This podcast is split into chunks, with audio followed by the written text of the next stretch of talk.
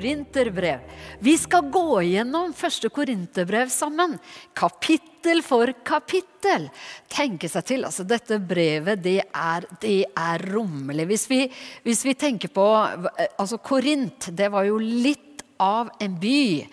Det var et handelssentrum. Den var jo plassert på en sånn måte at det ble et skikkelig knutepunkt. Og da er det jo veldig mye som følger med det. ikke sant? Og, og, denne byen var altså kjent for mange ting som eh, ikke, ikke, bare var eh, positivt, kan man si. Eh, det var, det var, den var kjent for umoral, utskeielser, utsvevende liv. Den var kjent for på en måte at den loven som gjaldt i Korint, det var at det du føler for, og det du kjenner for, det er det som gjelder. Og det fins bare én Gud, og det er egentlig det er den, det er den egne personen. Det er, alle er sin egen gud og styrer og ordner som man vil. Det, det sies om Korint at eh, det var den slags tenkning som preget eh, store deler av den byen.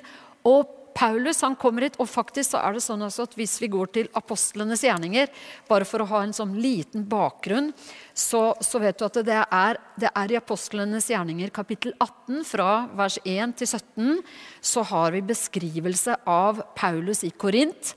Og han var, jo, han var jo der da og grunnla menighet. Han var der lenge til Paulus å være. Eh, man tenker sånn nesten sånn ett og et halvt år kanskje at han oppholdt seg her. Og det er i, i midt i denne byen her at vi får de her spesielle ordene eh, som beskriver når Jesus kommer og setter mot i Paulus. Han kommer til han i et syn om natten. Det her finner du inne i Apostlenes gjerninger kapittel 18. Vi skal være i første kor 1, så dette er bare sånn introduksjon. ok? Eh, men her sier Herren til Paulus i et syn om natten, i vers 9 står det Frykt ikke, men tal, og ti ikke. For jeg er med deg, og ingen skal røre deg eller gjøre deg noe ondt. Det sier litt om hvilket press Paulus var utsatt for i denne byen. Hvordan han hadde det.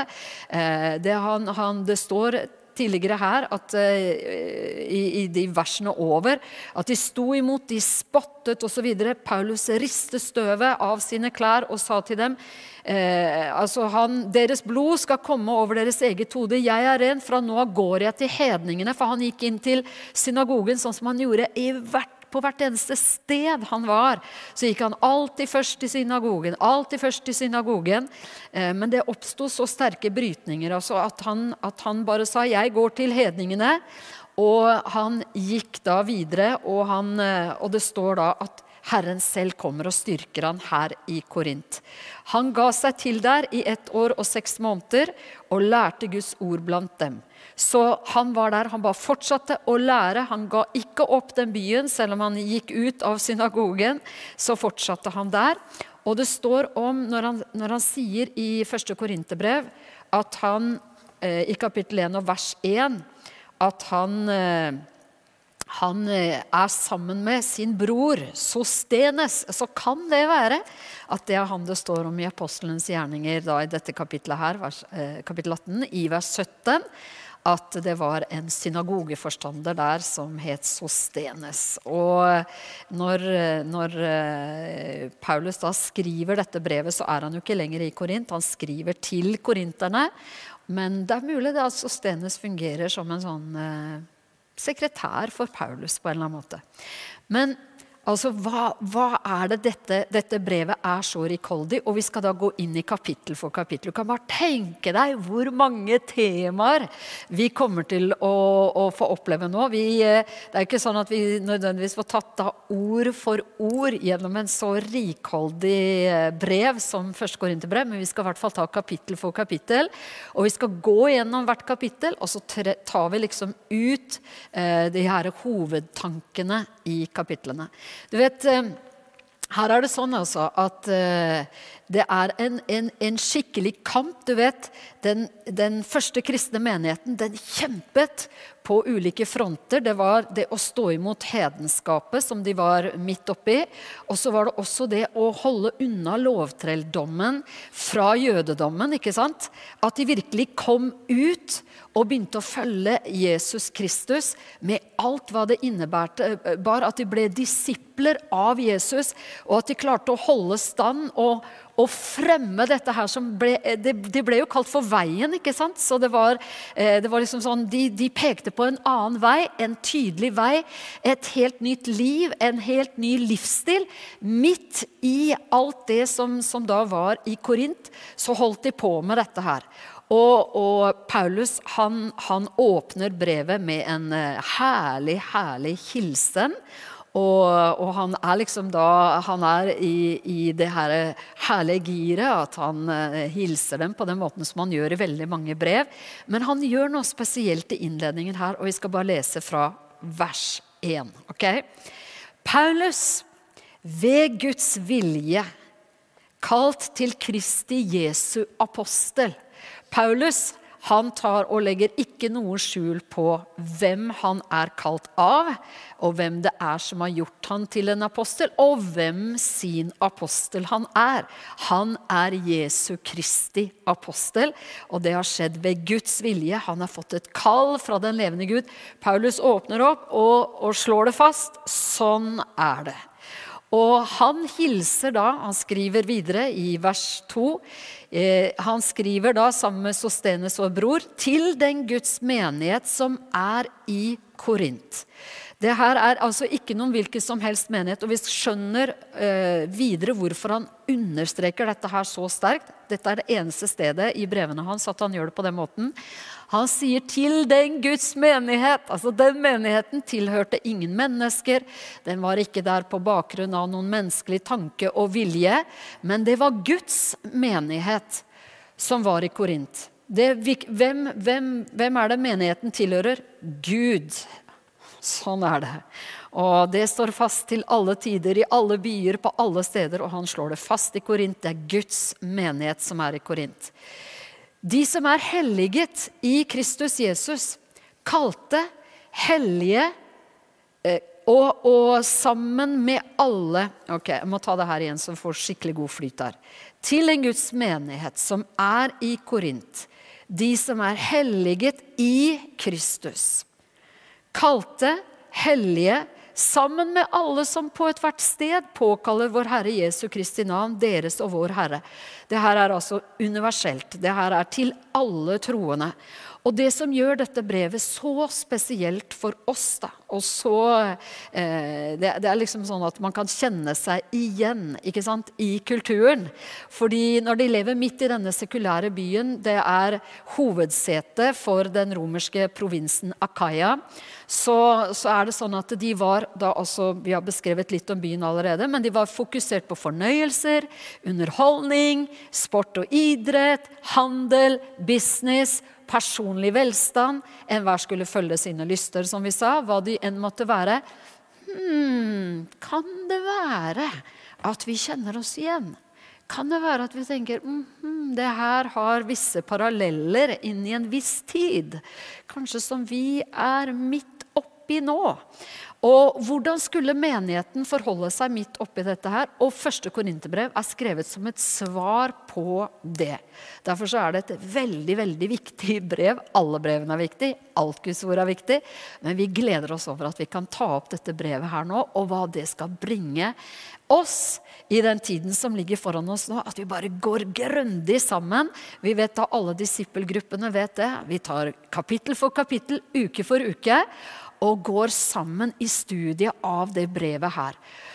Åh, dette blir, eh, dette blir gode saker. Så, så det var eh, Kulturen rundt det var preget altså av grådighet, sies det. Uærlighet, drukkenskap, urenhet, selviskhet i alle former. Eh, det florerte i Korint. Og, og det her kristne idealet da, det var i konstant brytning med livsstilen omkring. ikke sant? Så, så, så der har vi bakteppet og bakgrunnen for hvordan det var omkring denne her forsamlingen. Forsamlingen besto jo både av jøder som hadde kommet til tro, og av grekere ikke sant? som hadde kommet til tro, hedninger.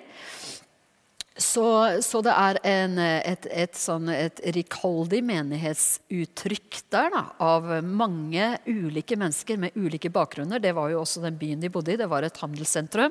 Så det var mange ulike kulturer som var samlet i den byen der. Så dette er altså menigheten som er helliget til Kristus, som er kalt, og den er hellig. Paulus slår det fast. Han kommer til å gå inn på mange ting i brevet. Han eh, snakker om eh, Ikke sant? Han snakker om ekteskap, samliv. Han snakker om de åndelige nådegavene, han snakker om Jesu Kristi oppstandelse. Han snakker om at det var rettssak mellom brødrene. Han snakker om givertjeneste. Altså han, han, løfter fram så mange ulike forhold gjennom dette brevet. Så, så, så det er helt, helt, klart at han, han, tar, han tar på en måte hele evangeliet viser dem at dere, hele dette evangeliet som vi har kommet til tro på, det har noe å si på alle livets områder. Evangeliet kan hjelpe deg i ekteskapet ditt. Evangeliet går rett inn i familien din. Det styrker ditt forhold. Når du skal fostre barn, så kommer evangeliet inn og hjelper deg. Evangeliet det er for deg i alle slags relasjoner. Det, det, det, det sørger for at du skal ikke ligge i rettssak med brødrene dine. Du skal ikke trekke brødre for domstolen. Vet at du skal ferdes så godt med brødre, holde fred med Gud og med mennesker. Eh, Paulus i dette brevet han forklarer folkets evangeliet det er relevant for absolutt alle områder, alle ting i livet ditt. Ikke noe er for lite for at evangeliet berører det. Ikke noe er for stort for at eh, evangeliet ikke tar hånd om det. Vet, evangeliet er altomfattende. Det rommer hele vårt liv. Og det her det tar han og løfter fram i det her brevet. Det, det brevet her er blitt kalt eh, av, av, noen også for at det er Paulus sitt liksom hovedetiske brev. Dette er hovedbrevet av det etiske, med etisk innhold fra, fra, fra Paulus. Ok, Så Menigheten tilhører Gud, den er hellig, og de påkaller Herren Jesus Kristus. Og, og, Paulus løfter det her opp som en sånn overbygning over dem. Og han sier i vers 3.: Nåde være med dere og fred fra Gud vår Far og Herren Jesus Kristus. Den der kjenner vi, og vi, vi har den i brevene, og, og, den kommer igjen og igjen. Og den er så god! For du vet, denne nåden er det Paulus da bare sier, og den hilser vi hverandre med. ikke sant? Nåde og fred, venner. Så vi sier til hverandre Nåde og fred være med deg. Det vil si altså, den kjærligheten Gud har elsket oss med, all den godheten han har vist oss i Jesus, det er Guds nåde. Og det at vi får leve i Guds fred, ah, det er velvære. Det er det å ha fred med Gud. Det er forsoningen. Vi er, vi er tilgitt. Skylden vår er betalt. Jeg mener, for et liv! Det gir nåde og fred. La det være med deg i alt. La det gå inn i alle relasjoner, denne nåden. La det gå, prege tankelivet, la det prege alt. Det er liksom den åpningshilsenen ikke sant? som ligger der og, og, og, og som vi, vi, også er kalt til å bare hilse hverandre med, og vi tar den imot i det brevet her. Ok? Ta imot. Snu deg til folket rundt deg si nåde og fred. Nåde og fred være med deg. Så, så det, et, det, det, der, det er, å, det er Guds gode vei for oss. Jeg takker alltid min Gud for dere, for den Guds nåde som er gitt dere i Kristus Jesus. Han sier, 'Jeg ber alltid for dere', og når jeg gjør det, så takker jeg korintere. Jeg takker takker for dere eh, når jeg ber for dere, og jeg gjør det alltid. Fordi at dere har jo opplevd en enorm forvandling. Dere har fått Guds nåde. Dere er utkalt. Dere midt i samtiden så har dere kommet ut, og dere har blitt til Guds menighet. Guds menighet i Korint! Det er dere. Og, og dere er fulle av Guds nåde, og nåden har forvandlet dere. Fordi Kristi Jesu vitnesbyrd er blitt grunnfestet i dere. Så han, han sier fordi dere har blitt så grunnfestet i vitnesbyrdet om Jesus, så er det også sånn at dere mangler ikke noen nådegave mens dere venter på vår Herre Jesu Kristi åpenbarelse. Denne menigheten hadde nådegavene i rikt mål. Og hva, hva er det vi gjør, alle, alle, sammen? Vi venter på at Jesus Kristus skal åpenbares. Vi venter på hans komme. Og mens de ventet, så var de grunnfestet i vitnesbyrdet, og de var, var fulle av nåde nådegaver i den menigheten. Vi har jo et helt kapittel ikke sant, som handler om nådegavene. Du vet, det er i dette brevet også som vi har den høyeste veien, hvor, hvor vi løftes inn og får se kjærlighetens vei. Oi, oi, Tenk når vi kommer til det, da. 13, kapittel 13, ikke sant? Men han sier dere, dere har altså alt dette. Og vers 8.: Han skal også styrke dere inntil enden kommer, så dere må være ulastelige på vår Herre Jesu Kristi dag. Han sier at uh, dette her, det, det, det, skal gå veldig bra. Uh, det skal uh, løftes fram. Altså at dere løftes av denne nåden, av denne helligelsen i Jesus. Så skal dere bli stående rike på alt. Så skal dere, skal dere stå der og vente på at Jesus kommer, og dere skal finnes uh, ulastelige på den dagen. For Gud er trofast, Han som kalte dere til samfunn med sin sønn Jesus Kristus, vår Herre. Her har vi liksom vers 1-9. Det er innledningen i det her brevet. Og, og, det er Hva er vi kalt til, dere? Så tenker Hva er mitt kall? Kalt til samfunn med Jesus. Tenk på det. Åh, jeg tror nok at i alle mine bibler altså, som jeg har lest eh, liksom dette, så står det Har jeg måttet skrive det som over. Kalt til samfunn med Jesus. For et kall. Samfunn Vi kunne jo holdt på en uke bare å snakke om samfunn med Jesus, hva det er dette fellesskapet med Jesus. Nå kommer vi inn i, i neste del her. På, vi, vi, skal lese fra vers 10. Og, og, nå skal vi ta for oss fra, fra vers 10 til 16. Og her går han inn, og så nå begynner han virkelig. Og når han løftet dem høyt, ikke sant? Og nå begynner han å arbeide med dem, altså. Og han, han sier jeg formaner dere, brødre, ved vår Herre Jesu Kristi navn, at dere alle må føre samme tale. At det ikke må være splittelse blant dere, men at dere må være fast forenet i samme sinn og samme tanke. Her sier han 'brødre', så det er jo så, så godt. da. Han er så varm og han er så god med dem. Han trekker dem eh, til seg i Herren, ikke sant? Og han sier, dere, det er én tro vi har men vi har også én bekjennelse. Og, og, det her er også enormt sterkt. Ville, han ville at de skulle ha den samme talen, samme bekjennelsen. måtte de stå sammen om. For, sier han her, nå går han rett på sak, og det er ikke noe sånn ja rundt grøten. ikke sant? Ja, At de kanskje kan tenke hva er det egentlig som vi gjør feil? Hva er det Paulus egentlig er ute etter her? Nei, det er ingen tvil i det hele tatt. For han bare, og, og det er så bra, ikke sant? Vet du, Det er veldig ubehagelig når noen kommer for å formane deg, korrigere deg, og så er det sånn at de bare liksom, Du føler at de bare går rundt grøten. Du vet ikke egentlig hva er de egentlig ute etter. Hva, du blir gående bare og tenke hva, hva var det egentlig de mente? Eh, du blir usikker på alt mulig, liksom. Nei, Paulus går rett på sak og sier for av Kloes folk er det blitt meg fortalt om dere, mine brødre, at det er stridigheter blant dere. Jeg sikter til dette, at hver av dere sier, 'Jeg holder meg til Paulus', 'jeg til Apollos', 'jeg til Kefas', 'jeg til Kristus'. Er Kristus blitt delt? Var det kanskje Paulus som ble korsfestet for dere? Eller var det til Paulus' navn dere ble døpt? Vet du, Det er kommet nå partier i menigheten, og Paulus han er en av de som da er en del av denne partisplittelsen. Eh, det har blitt sånn nå da, at eh, de holder seg Nå har de fått sine favoritter, og de har nå laget partier i menigheten. Og det er da sånn, Man kan se for seg at sånn som det da var, var at Paulus ikke sant? Han var oppreist helt spesielt for hedningene. Han hadde jo et hjerte for jødene som var bare helt enormt. Han ville selv bli dømt bort fra Kristus om det hadde kunnet føre hans brødre til Kristus. Så han var full av tjeneste og, og, kjærlighet og overgivelse til sine brødre. Helt enormt.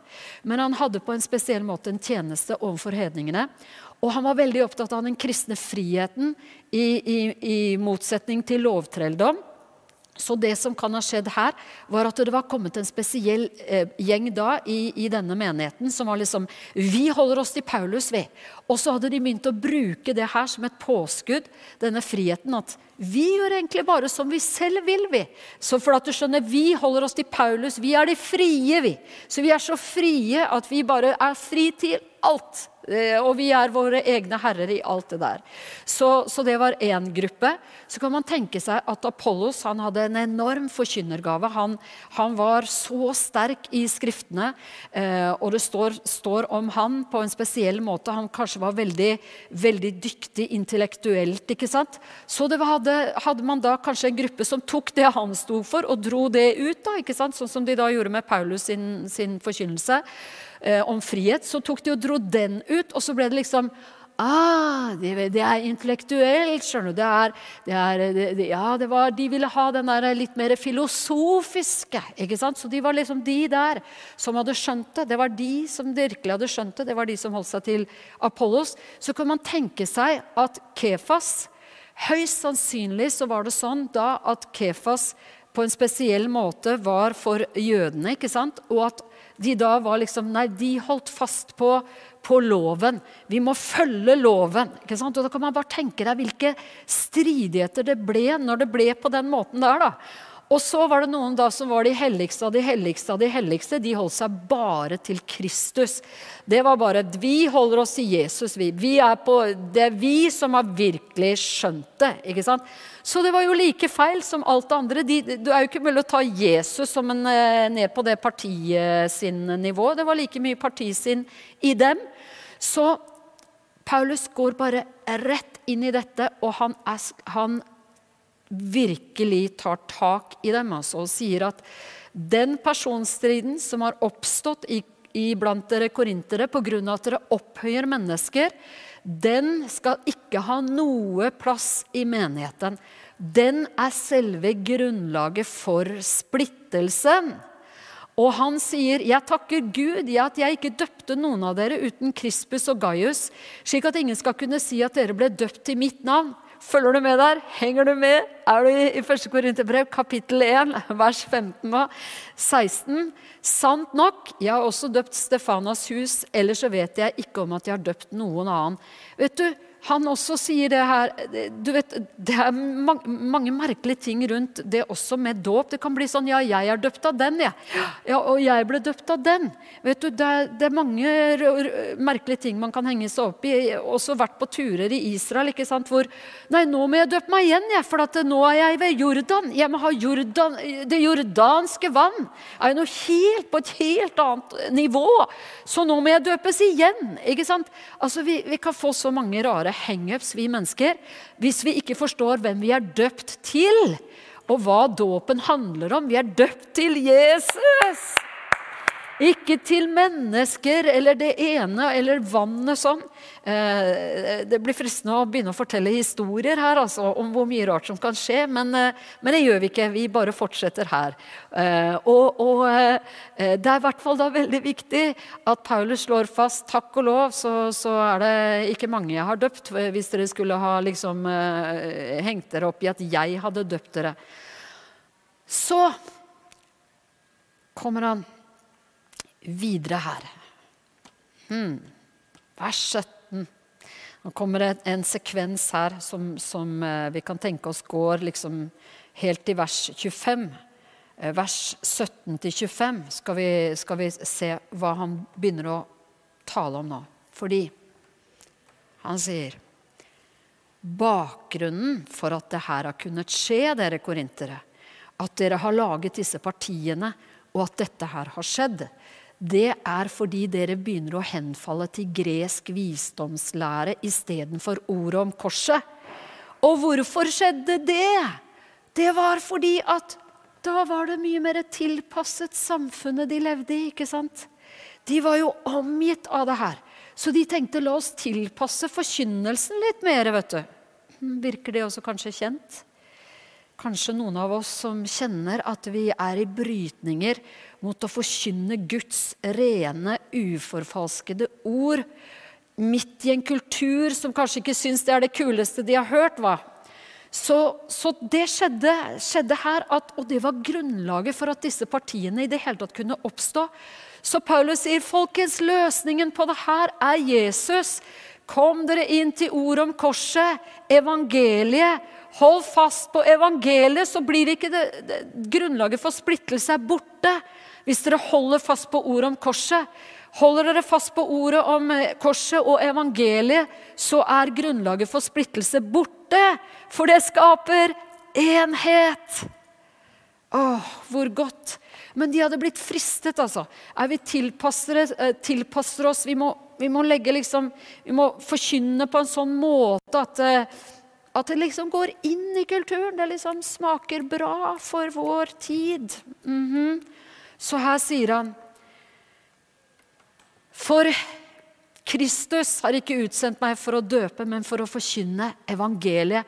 Og det ikke med vise ord, for at Kristi kors ikke skulle tape sin kraft.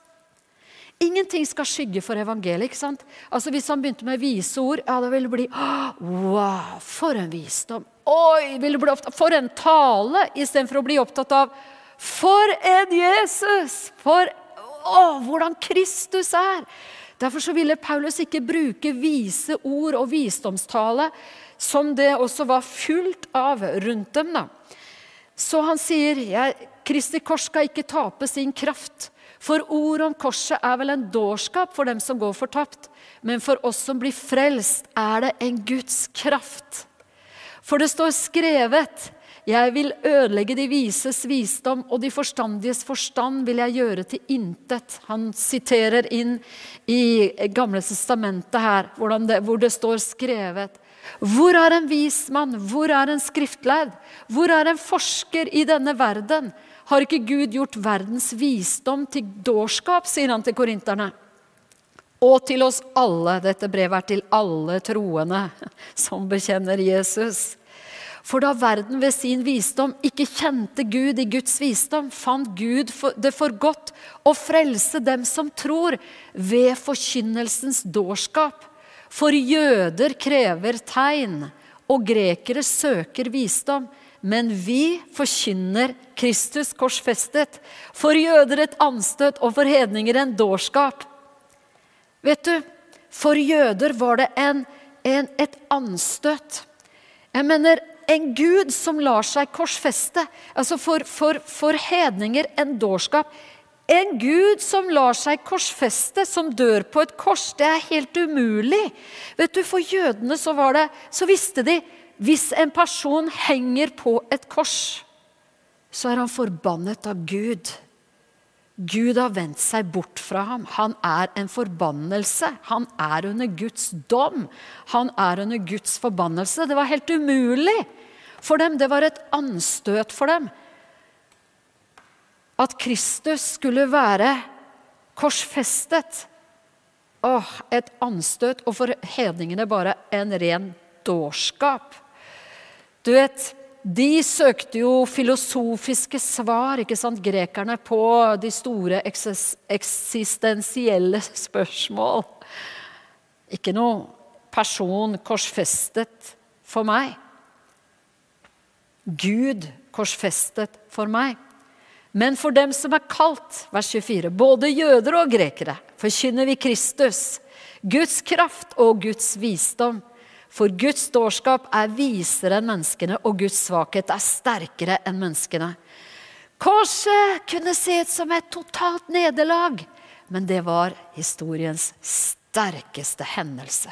Her åpenbares Guds kraft til frelse.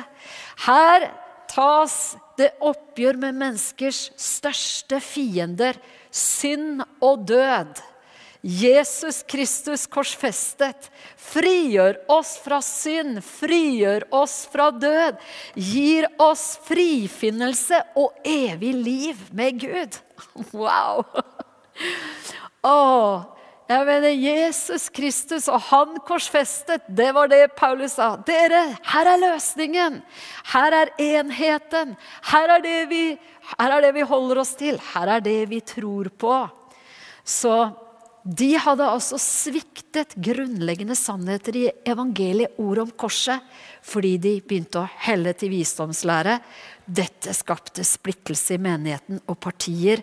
Derfor så går Paulus så inn på dette og skal ha slutt på det i menigheten. Ordet om korset skaper enhet. Og Paulus han går bare helt inn til roten. Han driver ikke og liksom begynner å skrive brev at ja, dere som holder dere til det, dere står jo for det, og det betyr det, og nå skal vi holde på med det. Nei, han bare løfter opp ordet om korset. Han løfter opp Jesus. Det er løsningen. Og det virket jo veldig smart, ikke sant? Det var lett å gå på den der. der at ja, hvis vi blander inn litt visdomslære, vet du, og så bruker vi filosofisk språkdrakt når vi snakker, da vil det få mye bedre innpass. Det var lett å tenke sånn, ikke sant? Og tenke også, ikke klare å avsløre det heller, men tenke det er litt smart, det der. Ikke dumt. ikke sant? Er det ikke det Satan, der han har sin styrke, lysets engel, åpenbarer seg som en lysets engel? Ikke hold dere her, for her ligger Guds kraft til frelse.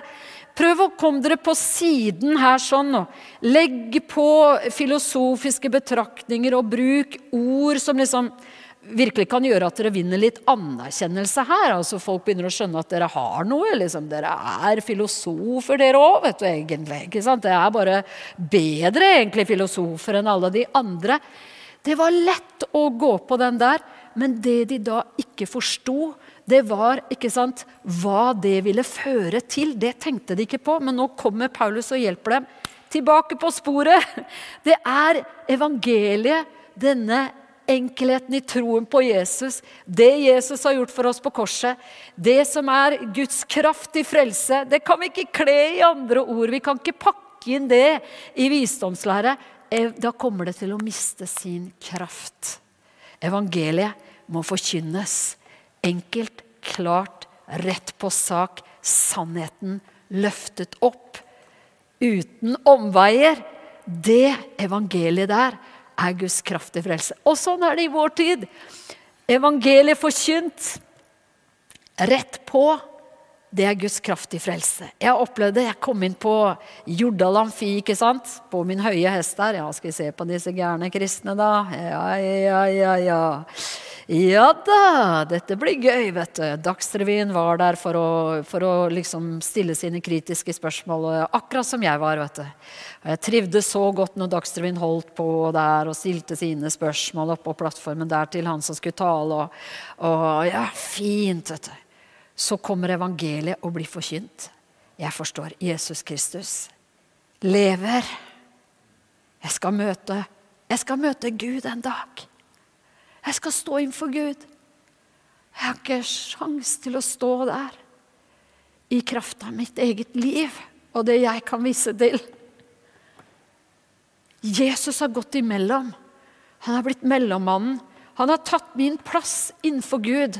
Han lot seg spikre til det korset for å bli som meg og ta min straff.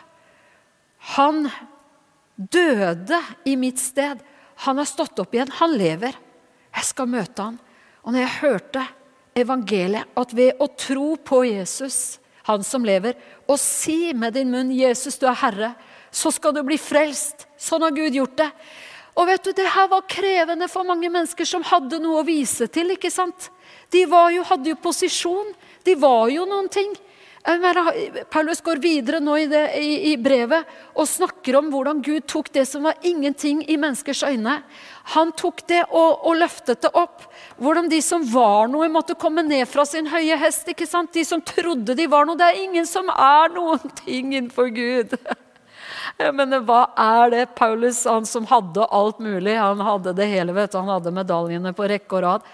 Han sa jeg akter alt som skrap mot det å ta imot Jesus og finne Jesus og bli gjort lik med han det, i det her miraklet fra Gud, dette mysteriet som Gud har åpenbart i Jesus. At Jesus kommer til oss og blir som oss, og vi får bli som han.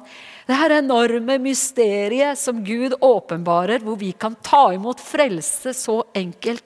Det evangeliet der, det må forkynnes. Sånn at det kan dra mennesker til Jesus. De kan ta imot Jesus og bli frelst. Og for noen, vet du, du vet at, eh, at, Man kunne kanskje tenke da at ja, du vet hvis noen veldig framgangsrike personer vet du, lar seg frelse, ja, det hjelper jo veldig. hvis noen med kjempeposisjon i samfunnet Oi, han og han har kommet til tro nå! Så du må forstå det er noe i det her. Du vet, Gud trenger ikke sånne ting. ikke sant? Evangeliet er evangeliet. Og det er Guds kraft til frelse for den som tror han er noe, og for den som føler at han ikke er noen ting. Uansett er det ingen av oss som har noe å rose oss av. Men vi driver på med dette her, vet du. Prøve å bli noe, prøve å oppnå anerkjennelse. Vår tid, vet du. How many likes can you get?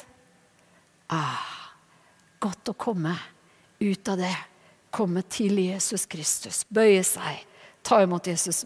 Den oppskriften som Paulus foreskriver for å komme ut av dette, dette virvaret her, det er ydmykhet. Ydmyke seg under Gud.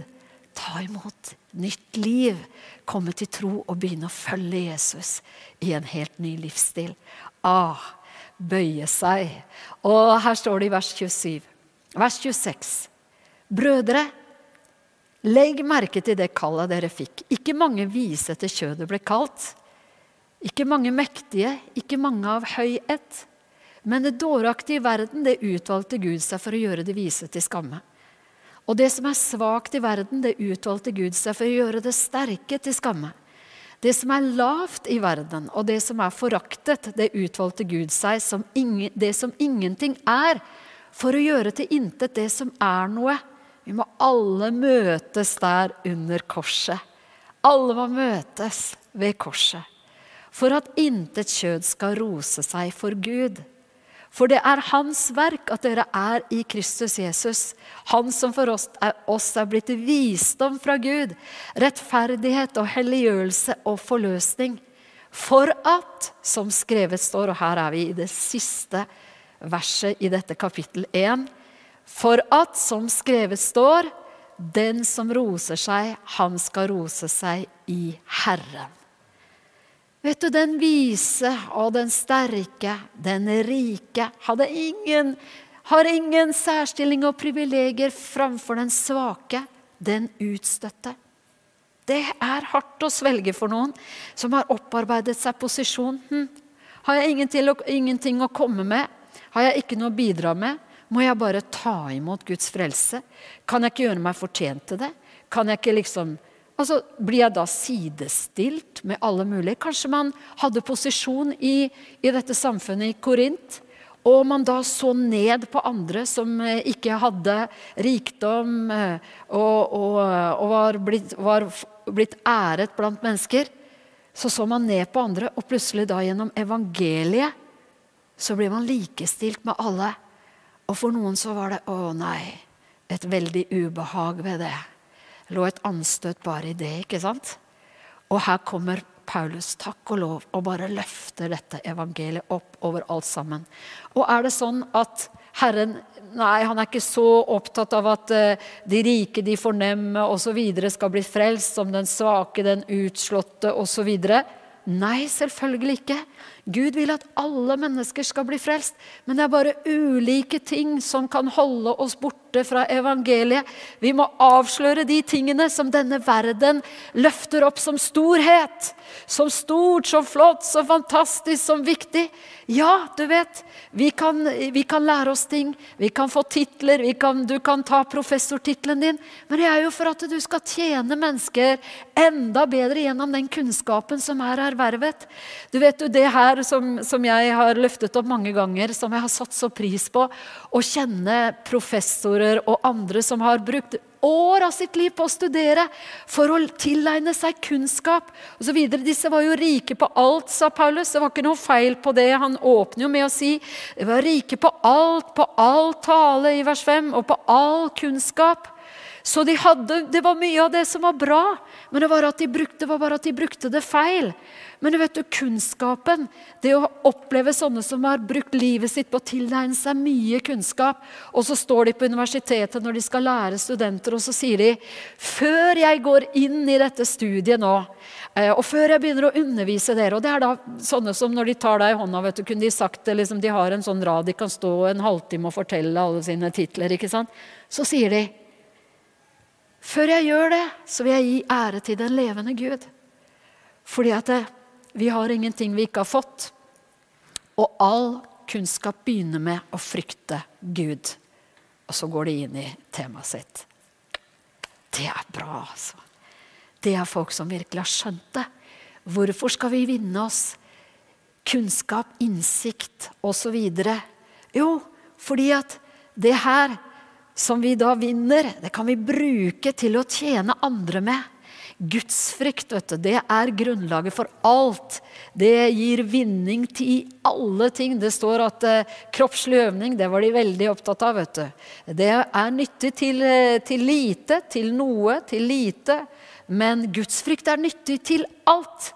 Ja, Det var ikke noe feil på det. Det var ikke noe feil på kunnskap. Det er ikke feil på det med, med å holde, holde, seg i form osv. Det er bare at det må være satt på plass i en sammenheng.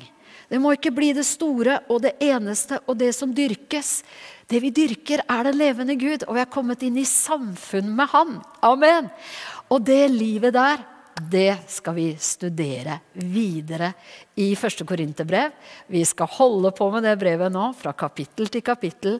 Paulus han eh, åpenbarer en del ting som hadde kommet inn i menigheten. Han, dette brevet her er et svar på spørsmål han fikk fra korinterne.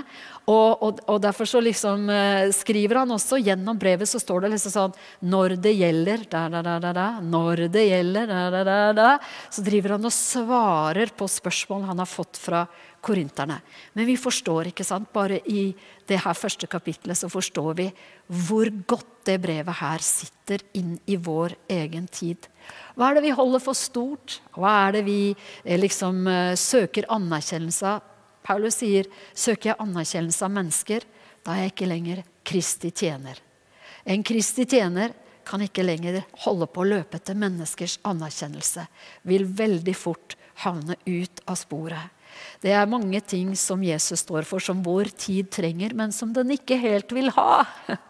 Ikke sant? Det er som medisin som, som du og jeg trenger, men som vi helst ikke vil ta.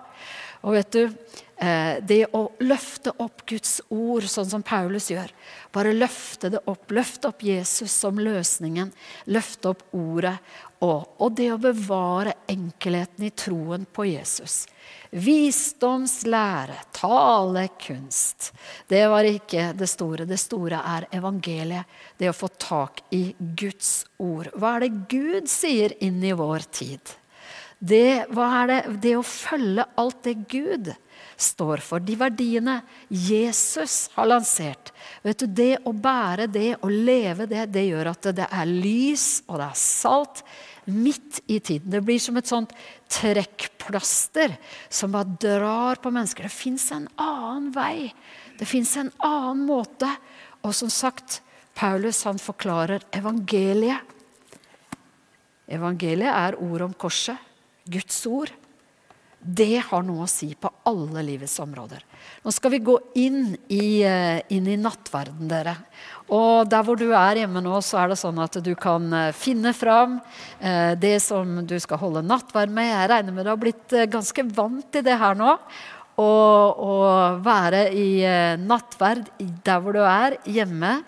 Og har du ikke vent deg til at du bryter brødet og, tar, og drikker kalken, i en eller annen form for juice eller et eller annet du har der hjemme, som du bruker, så gjør du det her til en innvielsesstund og en bønnestund. Dere er det ikke godt å studere Guds ord sammen. Og da er det sånn at det at man, noen må ned av sin høye hest, som de tror de sitter på. ikke sant? Gjennom tanker som bare opphøyer seg og opphever seg mot, mot ordet om Jesus og hvem Jesus er. Andre kanskje føler å, jeg er ikke verdig til å komme til Gud. Ikke sant? Må komme seg ut av det her og vite jeg er elsket av den høyeste Gud.